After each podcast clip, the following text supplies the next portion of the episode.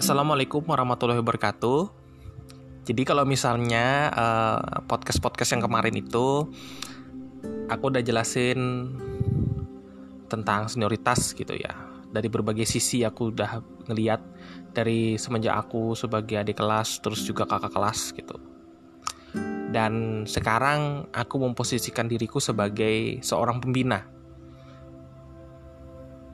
Aku memang tidak apa ya aku tidak tidak di apa ya ti, aku tidak menganggap diriku itu sebagai pembina gitu. Tapi memang ada sebagian orang yang memposisikan aku sebagai pembina. Karena jujur aku orangnya masalah yang namanya pengkaderan masalah yang namanya tentang komposisian seorang manusia itu aku insya Allah paham Makanya ada sebagian orang yang memposisikan aku itu sebagai pembina. Pokoknya pembina-pembinaan lah gitu ya. Jadi aku bakal menjelaskan di podcast ini sebagai uh, pembina, penengah ya antara kakak kelas dan adik kelas. Jadi yang kusalahkan dan yang kubenarkan bukan hanya kakak kelas, tapi juga adik kelas. Jadi mungkin dalam podcast ini aku bakal uh, lebih emosional dari yang sebelumnya. Oke. Okay. Setelah beberapa hari yang lalu para kakak kelas sudah mengadakan perkemahan yang sudah kesekian kalinya dan itu mendapatkan tanggapan-tanggapan daripada adik-adik kelas yang ikut. Semakin hari, tingkat uh, rasa ter ketertarikan terhadap pramuka itu semakin menurun, gitu ya. Jadi yang mereka rasakan di pramuka itu adalah kebosanan. Rasa kebosanan yang tidak ada selesai-selesainya Rasa malas yang mulai ada dikarenakan kegiatan kepramukaan yang orang-orang yang ada di situnya miskin ide. Gitu ya. Pengurus-pengurus sekarang yang ada di dalam ambalan itu semua miskin ide. Yang mereka butuhkan adalah nama. Yang mereka butuhkan adalah pangkat. Yang mereka butuhkan adalah jabatan. Bukan pengabdian.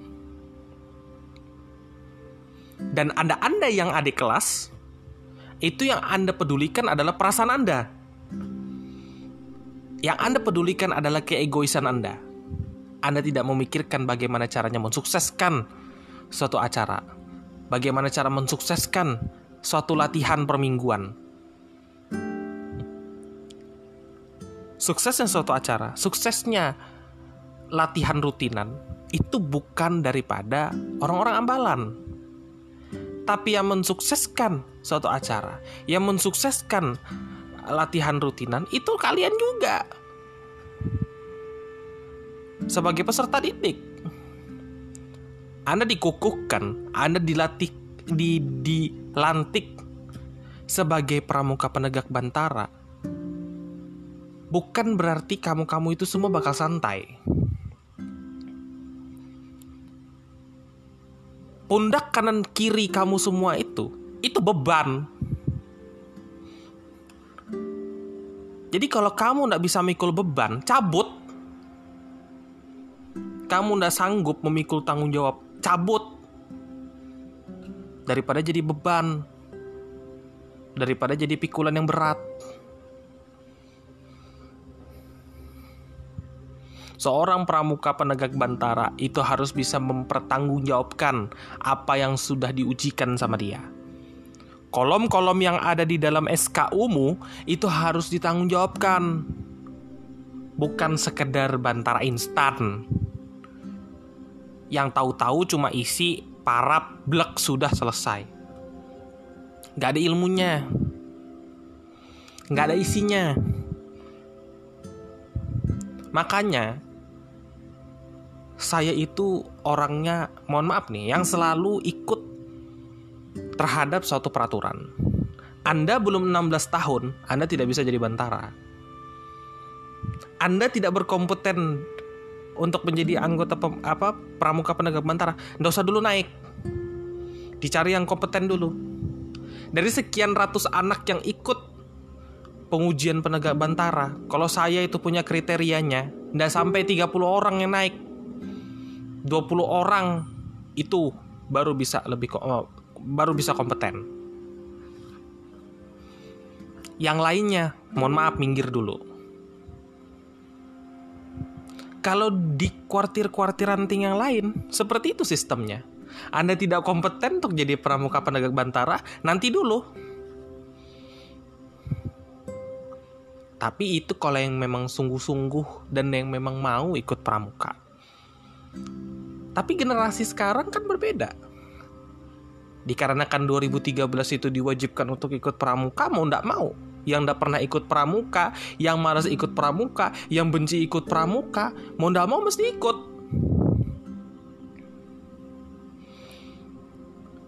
Datang ikut pramuka jalannya lambat, lunglai, lemes. Karena tidak mau ikut pramuka. Disuruh semangat tapi cuma diam. Disuruh tepuk pramuka tapi cuma angkat-angkat tangan aja dan ngapa-ngapain dari tingkah laku seperti itu, dari sikap-sikap yang sudah seperti itu, itu udah jelas bahwa dia memang udah mau ikut pramuka.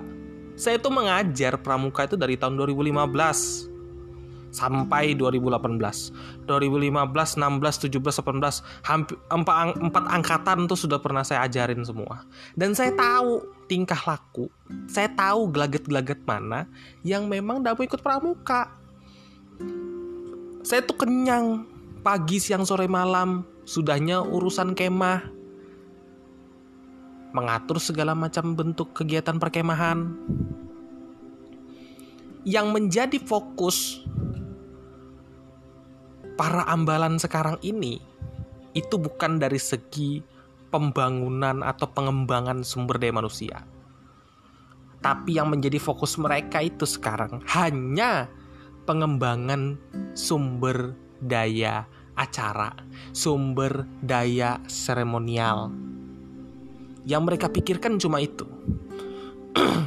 Tidak ada rasa rasa uh, tergerak hati mereka untuk bisa mengembangkan orang-orang yang ada. Orang-orang yang ikut kemah itu. Karena yang mereka pentingkan adalah mempercantik buper. Tuh bukan mempercantik orang bukan mempercantik atau memperindah sifat dan kerila, dan perilaku orang-orang yang ikut kemah ini. Karena apa? Karena mereka yang sekarang juga duduk di ambalan ini kebanyakan juga numpang nama. Miskin ide. Jadi harusnya dia berinovasi. Itu nol inovasinya. Saking kenyangnya saya dari tahun 2014 sampai dengan sekarang 2020 ikut kemah. Itu-itu aja kemahnya ada yang berubah. Nggak ada yang berubah jadi lebih baik. Nggak ada yang berubah konsepan acara itu yang baru. Nggak ada.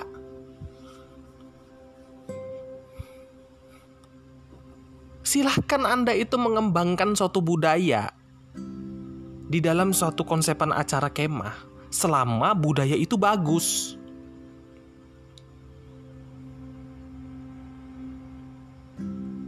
Gak ada masalah.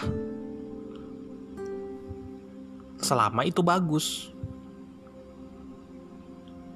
Nah itu perwujudan Anda nih orang-orang ambalan itu adaptasi sama pramuka. Supaya nanti peserta-peserta didik, adik-adikmu ini semua, itu bisa adaptasi sama pramuka. Karena hakikatnya memang seperti itu. Kamu-kamu itu yang harusnya adaptasi sama pramuka, bukan pramuka yang adaptasi sama kamu.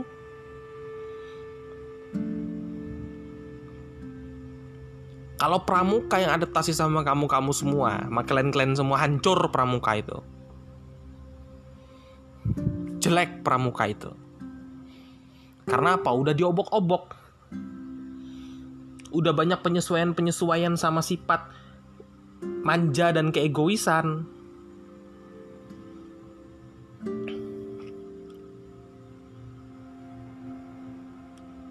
Jadi jangan mementingkan keegoisan Anda sebagai kakak kelas.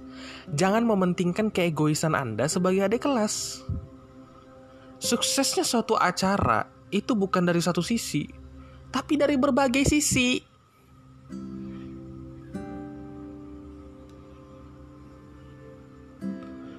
Anggapannya Anda itu sebagai pilar-pilar suatu rumah. Satu pilar roboh, pasti itu rumahnya roboh juga. Begitu juga dengan suatu acara. Kalau pesertanya juga malas, kalau pesertanya juga terpaksa ikut kegiatan, nggak rame kegiatan itu. Jadi kalau kegiatan itu hanya dianggap sebagai keterpaksaan Anda ikut pramuka hanya karena nilai, nggak rame. Karena yang di benak-benakmu semua pramuka itu jelek. Karena yang di benakmu pramuka-pramuka itu monoton acaranya.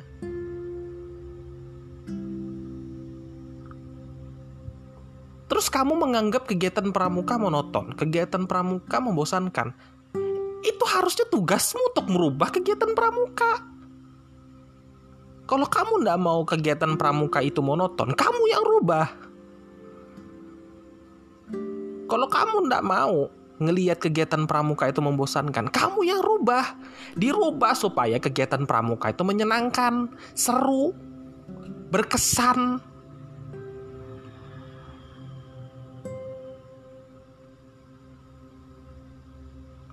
Ini apa?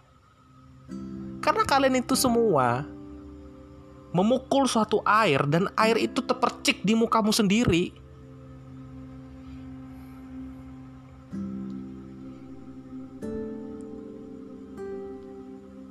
Jadi kadang aku bingung gitu loh dengan kalian semua. Apa yang sebenarnya kalian inginkan? Kegiatan pramuka bagus, Kegiatan pramuka menyenangkan. Kegiatan pramuka memberikan kesan yang baik. Kamu dong yang harusnya sebagai pilar utama untuk merubah itu. Untuk mewujudkan itu. Pilar utamanya siapa? Yang di acara sebagai panitia, yang di acara sebagai peserta. Dua pilar itu yang bisa mensukseskan suatu acara. Dua pilar itu yang bisa menjadikan acara itu baik, bagus, menyenangkan, berkesan.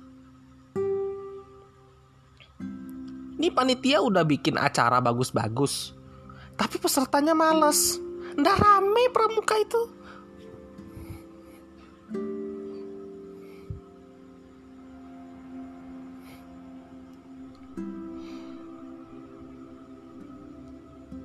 Buatlah acara yang sekiranya bisa memberikan kesan yang baik.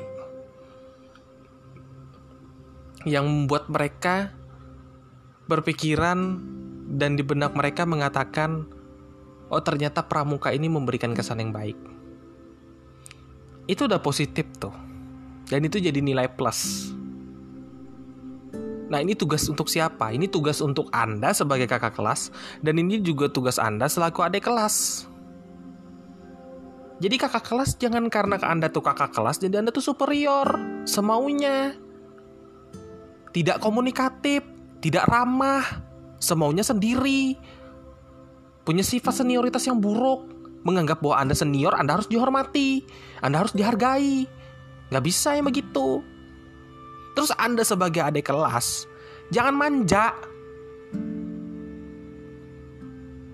Jangan perlakukan bahwa diri Anda itu yang harus diperhatikan.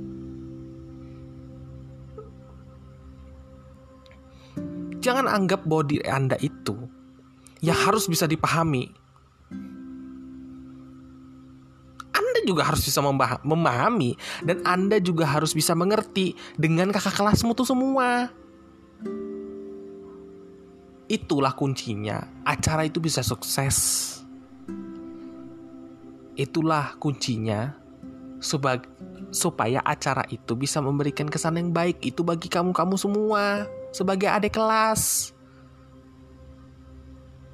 itu dipersiapkan supaya nanti kamu jadi kakak kelas. Kamu bisa berkaca sama kakak-kakak kakak-kakak kelasmu tuh yang dulu. Apa yang kamu lakukan sekarang nih ya? Ini untuk adik kelas nih. Apa yang kamu lakukan sekarang? Apa yang kamu perbuat sekarang? Apa sifat manja yang kamu punya dan sifat keegoisan keegoisan yang kamu punya ini nanti bakal berlanjut sampai dengan adik-adik kelasmu. Ingatin itu, kamu bakal merasakan itu semua. Kamu bakal ngerasakan bahwa kamu tidak dipedulikan. Kamu akan merasakan bahwa acara yang sudah kamu buat sesempurna mungkin bakal dianggap monoton dan dianggap membosankan. Itu pasti bakal kamu rasakan. Bagaimana cara merubah itu semua? Bagaimana caranya supaya bisa acara itu bagus bagi mereka? Ya berpikirlah, kamu semua dewasa. Dan saya yakin hampir semua yang ada di situ punya HP-HP smartphone. Cari, browsing, pikirkan bagaimana caranya supaya bisa bikin acara yang bagus, bisa bikin acara yang berkesan, Jangan terlalu banyak bertanya ke pembina. Tuh ya. Pembina itu tugasnya bukan untuk itu. Itu semua tugasnya urusan ambalan. Bagaimana cara bisa mengembangkan sumber daya manusia bukan hanya orang ambalan tapi juga peserta didik? Itu kamu kamu semua yang harus bisa berpikir. Berinovasilah. Pinter-pinter bikin ide. Gitu ya. Jadi mohon maaf sekiranya kalau misalnya di podcast ini aku emosional gitu. Karena uh, ini merupakan keresahan gitu ya bagi aku sendiri bahwa memang ada sebagian orang yang merasa dimenangkan bahwa sebagian orang merasa diperhatikan merasa berkuasa karena dibela, tapi dari pembelaannya itu dia semaunya. Memanfaatkan pembelaan itu untuk bisa menginjak-injak orang lain. Jadi bagi Anda kakak kelas, bagi Anda juga adik kelas, Anda adalah orang-orang yang saya lindungi. Jadi sebisa mungkin Anda-anda semua kakak-kakak uh, kakak-kakak sekalian bisa uh, memikirkanlah bagaimana caranya berangkul bersama untuk bisa mengembangkan kegiatan pramuka di sekolah Anda. Itu saja podcast untuk episode yang hari uh, sekarang. Mohon maaf jika apa yang saya sampaikan itu apa yang kusampaikan itu tidak berkenan di hati kakak-kakak sekalian. Saya mohon maaf. Wassalamualaikum warahmatullahi wabarakatuh.